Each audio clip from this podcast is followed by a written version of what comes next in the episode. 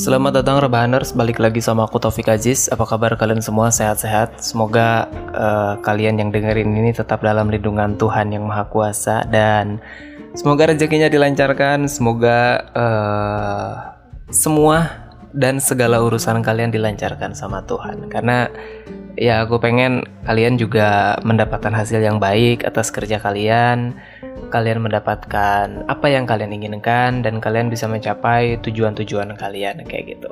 Ih, mang tumben banget uh, di awal ngedoain bla bla bla bla bla bla. Ya kan mungkin kalian juga uh, kayaknya gak pernah ya.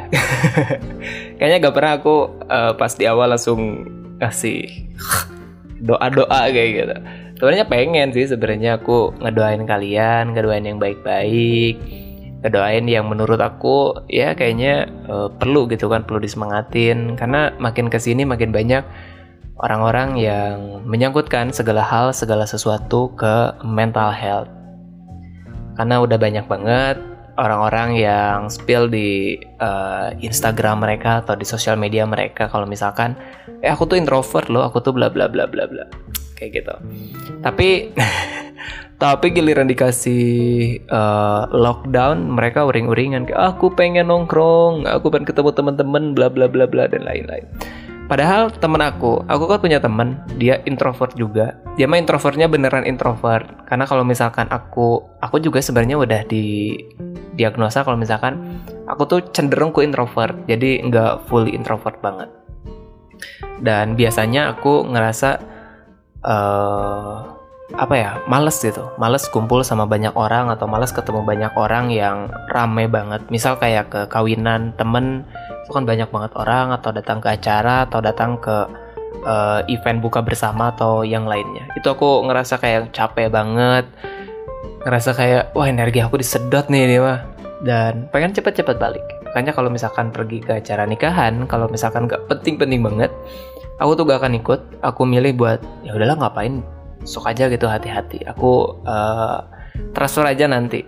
Atau uh, ketika diajak sama pacarku buat buka bersama kemarin pas puasa atau diajak ke mana itu aku milih kayak kayaknya kalau misalkan aku gak ikut juga gak apa-apa kan jadi ya udahlah kamu sendiri aja.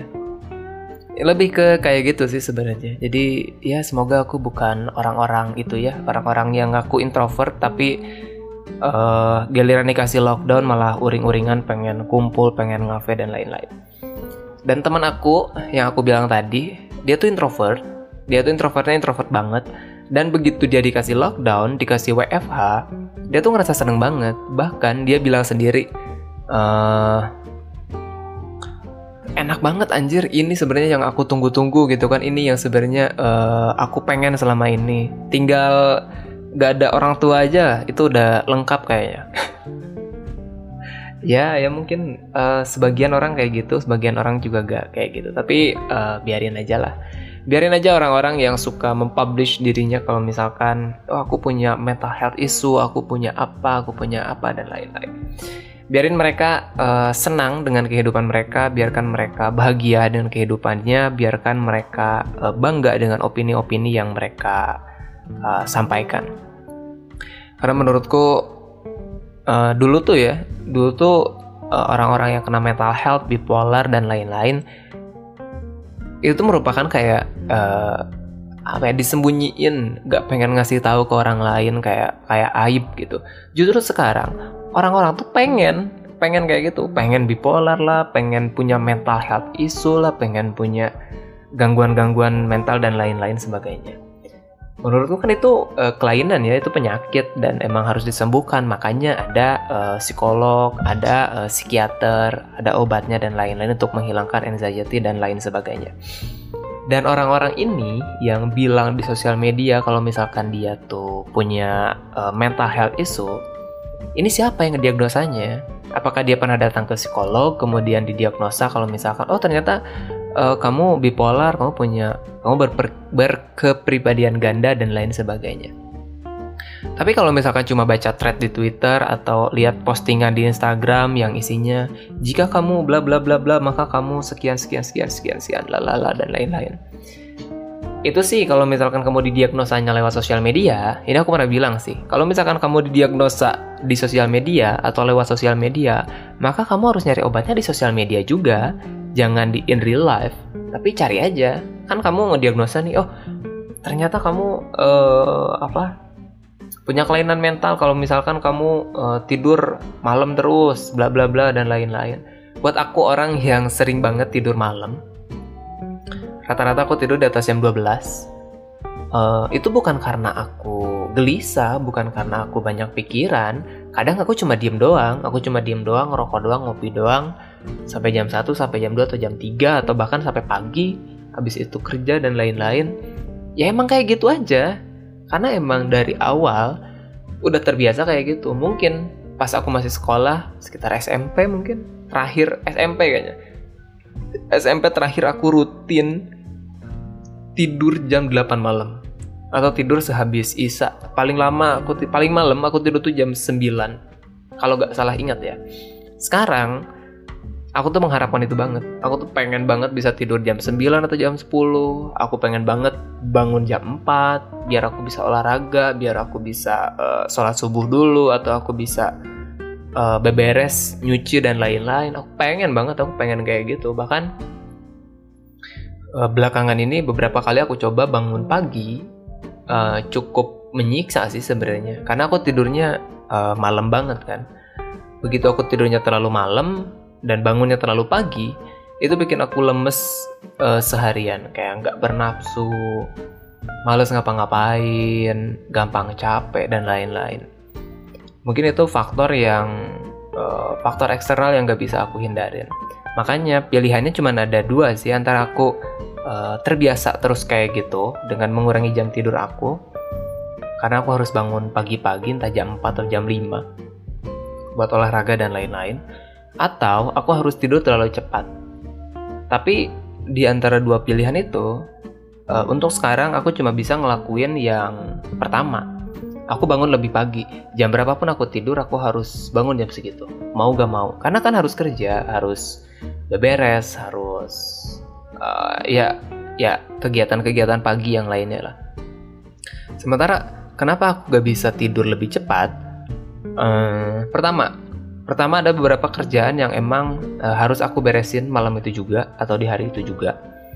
Kedua uh, emang terbiasa tidur jam segitu terbiasa tidur di atas jam 12 malam kebiasaan buruk memang. Kalau misalnya kalian bilang kan wah emang kan itu uh, gak baik itu kebiasaan buruk itu uh, apa gak gak selayaknya gitu dipertahankan dan lain sebagainya. Aku memulai ini tuh ketika aku SMK ketika aku mulai kerja dan aku harus ngebagi waktu aku antara uh, sekolah kerja dan istirahat. Itu menurutku uh, cukup challenging banget ya. Karena buat kalau mungkin ya buat sekarang orang-orang sekarang anak muda sekarang mereka udah bisa ngebagi waktu dan lain-lain. Tapi buat aku dulu itu susah banget. Dulu tuh uh, teman-teman aku teman-teman seangkatan mereka tuh cuman pergi ke sekolah sekolah gitu kan istirahat balik ngerokok-ngerokok ngumpul-ngumpul sama temen abis itu uh, balik ke rumah dan main lagi. Aku aku tuh enggak. Jadi uh, paginya aku sekolah kemudian kerja sampai malam malamnya aku balik ke kosan istirahat. Paginya uh, kerja lagi. Kalau weekend weekend justru malah lebih padat menurutku karena aku gak punya waktu buat istirahat atau bangun lebih siang. Aku harus bangun lebih pagi. Kadang di weekend tuh aku ada produksi makanya aku harus bangun bangun lebih pagi entah itu jam 3 atau jam 4 kemudian aku berangkat uh, sampai kantor beberes dan lain-lain. Kemudian uh, paginya sekitar jam 9 atau jam 8 aku produksi uh, habis produksi ya udah beres. Habis itu pulang. Biasanya malam sih. Kadang subuh kadang pagi-pagi aku nyampe kosan. Habis itu langsung uh, sekolah. Tidur ya tidurnya berantakan banget. Makanya dulu sempat sakit-sakitan. Kerja memang lumayan dapat duitnya. Meskipun duit itu kadang hilang juga kan. Karena di tiap satu bulan atau dua bulan sekali itu aku pasti sakit. Dan aku tuh punya kebiasaan sakitnya tuh yang sakit parah gitu jadi kadang tipes dua mingguan, kadang DB dua mingguan atau tiga mingguan juga sampai recovery sampai balik lagi. Dan itu berlangsung sampai aku kuliah.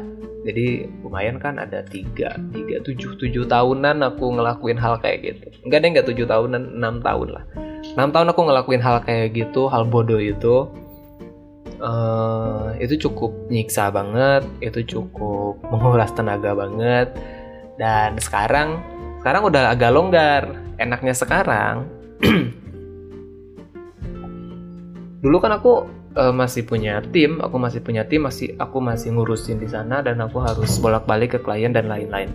Makanya waktunya habis di sana meskipun aku cuma diem doang, aku cuma uh, duduk-duduk di depan laptop, tapi emang kerjanya kayak gitu. Sampai akhirnya uh, setelah semua itu gak ada, ya sekarang mulai tertata lagi sih.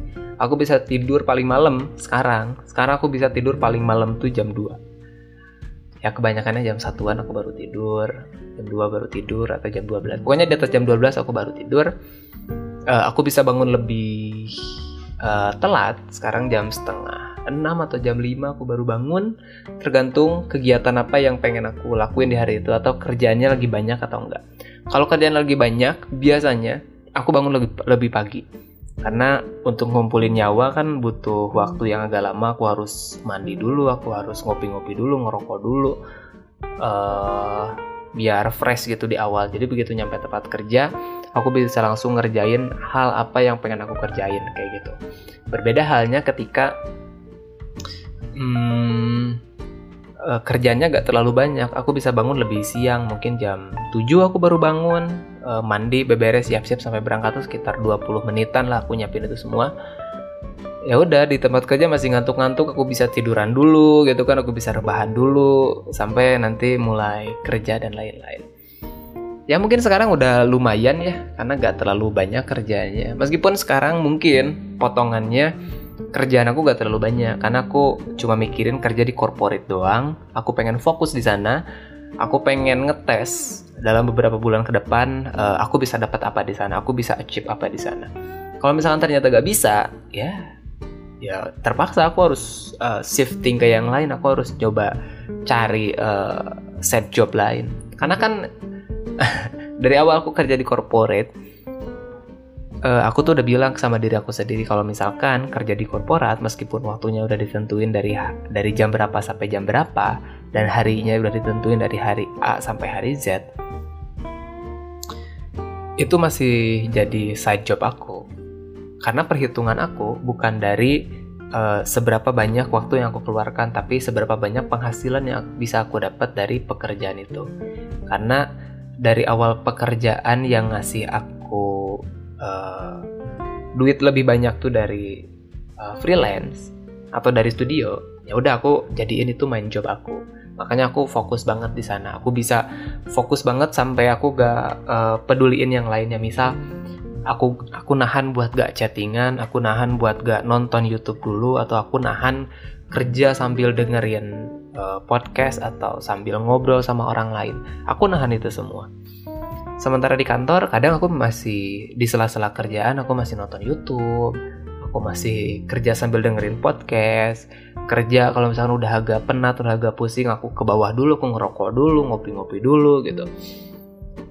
Ya mungkin itu. Karena karena ya itu tadi uh, pendapatannya atau penghasilannya tuh gak lebih besar dari aku kerja di studio. Sementara sekarang karena aku gak punya studio jadi aku lebih fokus di kantor aja ya mungkin uh, bakalan lebih menantang buat aku sendiri karena aku harus menyesuaikan gaya hidup aku dengan pendapatan aku yang sekarang.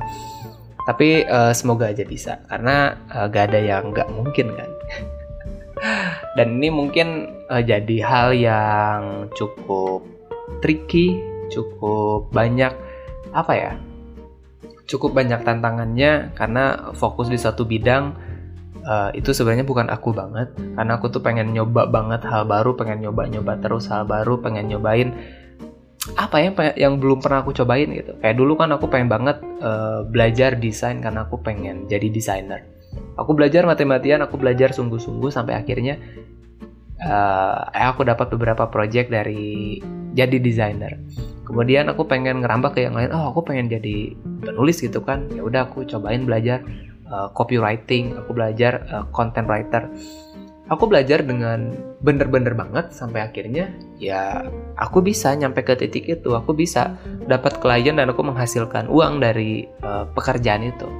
Dan masih banyak yang lainnya mulai dari kameramen, uh, lighting gitu kan atau gaffer dan lain-lain.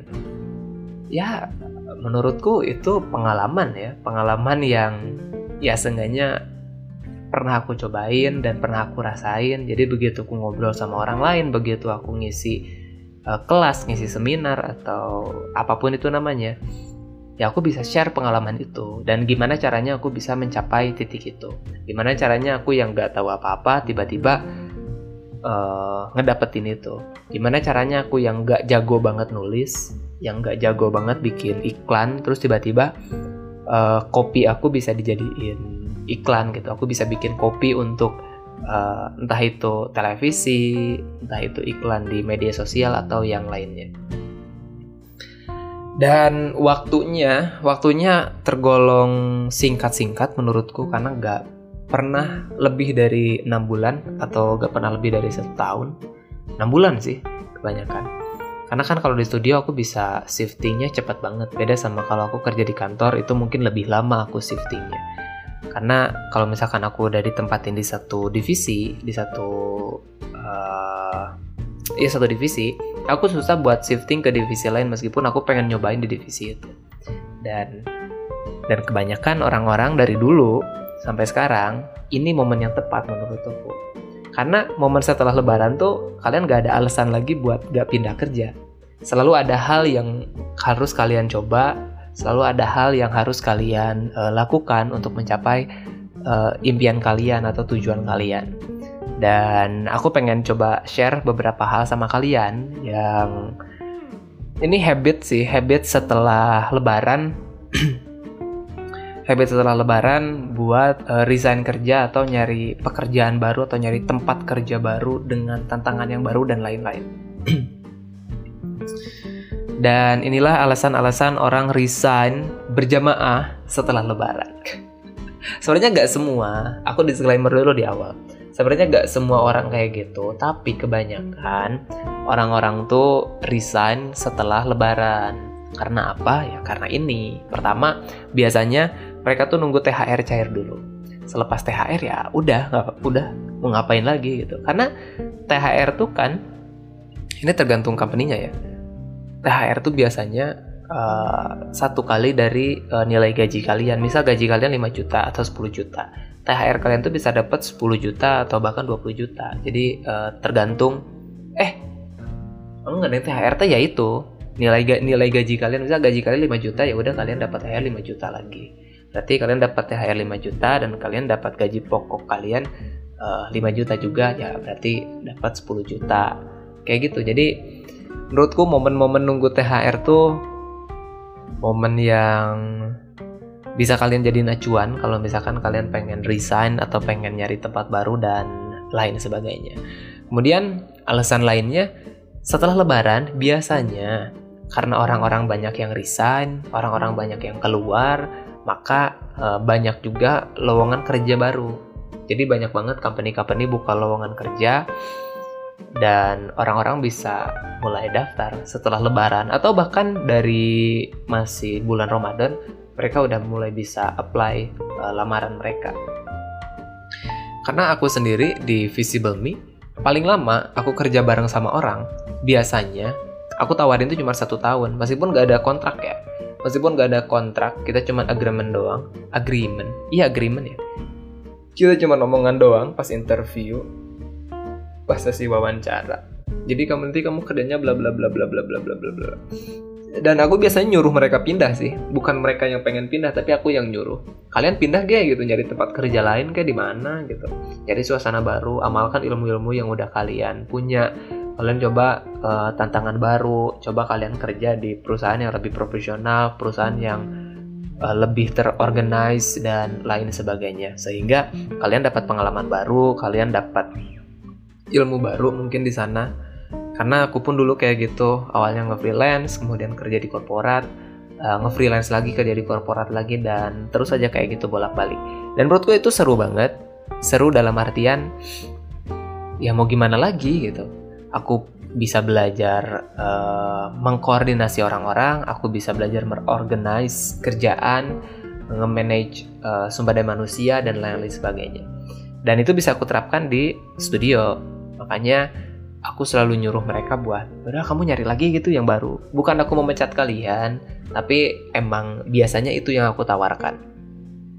Aku biasanya menawarkan hal-hal gila buat mereka, biar mereka ya seenggaknya punya pengalaman baru. Dan ini bakalan kerasa ketika tiga bulan setelah lebaran. Biasanya suka ada aja mereka tiba-tiba nelpon atau ngajak uh, zoom atau video call barengan. Terus mereka cerita kalau misalkan, eh emang aku udah di sini loh, aku udah di sini loh, aku udah di sini. Seneng, seneng banget. Gak dengar berita baik, gak dengar kabar baik dari mereka dan ke akunya juga kayak punya kebanggaan tersendiri gitu. Eh dulu tuh dia uh, desainer loh di studio aku. Eh dia tuh dulu copywriter loh di studio aku. Yang awalnya cuma bikin iklan sosial media doang di Instagram atau di YouTube. Sekarang dia bikin iklan buat televisi. Wah itu pencapaian banget. Ya kayak gitulah hal-hal menarik. Jadi uh, kalau misalnya kalian pengen resign, pengen nyari tantangan baru, mungkin ini saatnya karena sekarang lagi banyaknya, lagi banyak banget lowongan kerja yang dibuka. Kayak gitu. Uh, mungkin kalau misalkan aku bilang alasan lainnya adalah mencari tantangan di karir yang baru, kayaknya udah basi ya. Maka uh, ini mungkin buat orang-orang yang jarang dihargai, kalian juga bisa mulai berpikir untuk resign, mulai berpikir untuk nyari pengalaman baru. Karena kalau misalkan kalian tipikal orang yang harus banget diapresiasi dalam suatu pekerjaan dan di tempat kerja kalian kayak kalian mengerjakan sesuatu, kalian jadi project manajernya atau kalian jadi PIC-nya dan berhasil event tersebut, kalian tuh pasti mengharapkan kayak iya aku tuh pengen lo diapresiasi. Nggak dalam bentuk yang aneh-aneh, aku cuma pengen dibilangin kayak eh selamat ya, eventnya berhasil, kamu jadi PIC-nya, wah kamu keren banget. Cuma sebatas itu doang, tapi kalian nggak pernah dapetin. Ya ya gak apa-apa menurutku kalau misalnya kalian pengen resign kalian pengen nyari tempat yang baru yang bisa lebih mengapresiasi ide-ide kalian dan lebih bisa mengapresiasi hasil kerja kalian. Kayak gitu dan ini sebenarnya agak lucu ini sebenarnya agak lucu banget karena sempat kepikiran beberapa kali sama aku bahkan saat puasa kemarin juga aku kepikiran apakah aku harus balik lagi ke kampung dan aku mulai usaha aku di kampung? Karena kan kalau misalkan dibilang trauma sama hal-hal yang udah aku kerjain sebelum-sebelumnya, enggak juga. Tapi ya lumayan cukup uh, terpukul juga sih aku dan cukup lama juga kan recovery-nya. Makanya uh, aku pengen pengen balik ke kampung. Bukan kampung halaman aku karena kalau sekarang aku gak punya kampung halaman karena rumahnya pindah-pindah kan. Jadi yang sekarang tuh bukan kampung halaman. Aku berpikir buat kayaknya aku harus pindah deh ke tempat lain yang suasananya tuh masih enak dan aku di sana mulai hal yang aku suka. Misal aku di sana ternak lele atau aku nanam sayuran atau apa pun itu namanya. Seenggaknya uh, sekalian sekalian aku balik ke kampung, sekalian aku nyari pengalaman baru di sana dan aku meninggalkan pekerjaan dan hiruk pikuk perkotaan. Tapi setelah aku pikir-pikir, alasan kenapa aku gak balik dari dulu. Kalau misalkan emang itu tujuan akhirnya, aku harusnya udah balik dari dulu dong. Tapi karena itu bukan tujuan akhir, karena aku ternyata suka banget sama suasana perkotaan yang rame, hiruk pikuk, banyak kenal pot brong kayak sekarang ini. Meskipun sebenarnya aku kadang sebel kalau lagi syuting atau lagi nge-record audio kayak gini dan ada apa namanya? ada kenal pot brong. Itu sebenarnya aku benci banget. Tapi di satu sisi uh, itu yang aku kangenin ketika aku balik ke rumah, ketika aku misal uh, ke temen aku lah yang di kampung. Itu yang aku kangenin itu yang pengen aku denger kayak klakson pas macet knalpot brong lewat gitu. Kemudian suara ambulan suara mobil damkar dan lain-lain itu sebenarnya pengen aku denger tiap hari dan aku mulai edik sama hal-hal kayak gitu. Makanya kayaknya pulang ke kampung halaman bukan uh, alasan ya buat aku keluar kerja. Tapi buat kalian yang memutuskan kayaknya di kampung tuh ada tanah gitu kan berapa hektar. Kalau misalkan aku tanemin palawija atau tanamin padi atau apa pun itu namanya mungkin bisa mendap bisa jadi penghasilan utama kalian. Dan itu bagus menurutku. Seenggaknya ada penerus lah. Seenggaknya ya, kalian jadi bos untuk usaha kalian sendiri. Kayak gitu. Dan aku pengen banget loh kayak gitu dari dulu ya semoga aja lah uh, dalam beberapa waktu ke depan aku mikirin buat balik lagi ke kampung. Ya nggak bukan kampung halaman aku tentunya tapi ya aku nyari aja kampung orang lain yang bisa aku singgahi di sana. Ada beberapa lahan yang bisa aku garap di sana dan ya aku bisa memulai yang baru di sana. Kayak gitu. Dan yang terakhir mungkin alasan kenapa orang uh, resign saat setelah lebaran adalah lingkungan kerjanya udah agak kondusif. Mungkin kalian sering banget denger ya kayak wah uh, teman-temannya toksik lingkungan kerjanya toksik gitu. Ya ya ya kalian jangan bertahan terlalu lama di sana. Kalau misalkan emang kaliannya gak betah kalau misalkan kaliannya gak bisa diam terlalu lama ya kalian pindah atau masih ada kok opsi buat pindah? Kecuali opsi pindah tuh gak ada ya udah kalian jalanin aja di sana. Selagi masih ada opsi untuk pindah selagi masa masih ada opsi untuk uh, kerjaan lain ya kalian pindah aja nggak apa-apa menurutku. Tapi sebelum kalian resign kalian tuh pikirin dulu uh, matang-matang. Kalau misalkan kamu betul-betul uh, mau resign pikirkan dengan matang jangan ngambil risiko atau keputusan saat kalian emosi. Karena uh, kalian pasti gak pengen dong nyesal. Kalian gak pengen kayak terpukul. Ih nyeselnya kenapa dulu resign padahal kerjanya udah enak padahal kerjaannya tinggal ya gampang lah gitu. Tapi resign ketemu tempat tempat yang lebih freak atau temen yang lebih toksik atau yang lain sebagainya. Menurutku itu harus uh, dipikirin sih karena karena uh, resign atau pindah tempat kerja tuh itu gambling banget dan kalian gak akan tahu nanti kalian dapatnya kayak gimana uh, tempat kerjanya kayak gimana dan lain sebagainya menurutku kayak gitu dan satu hal terakhir sebelum penutup kalau misalkan kalian belum punya uh, escape-nya kayak gimana, kalian belum punya belum jelas gitu. Misal kalian, oh fix mang aku mau resign aja, aku mau keluar kerja se sebulan setelah lebaran, ya mungkin beberapa minggu ke depan. Satu yang pengen aku titip sama kalian, kalau misalkan uh, tempat yang kalian mau pindahin itu belum dapat, kalian jangan dulu resign. Kayak gitu.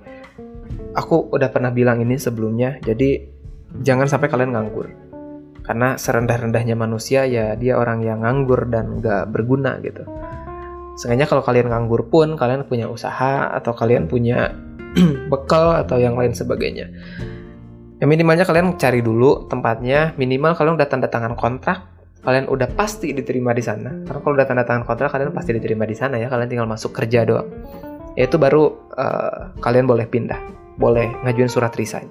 Tapi kalau misalkan kalian baru proses apply doang, belum tanda tangan kontrak, kalian belum uh, deal gitu kan sama HR-nya atau sama orang di company barunya, ya kalian jangan dulu resign. Kalian jangan jadi pengangguran.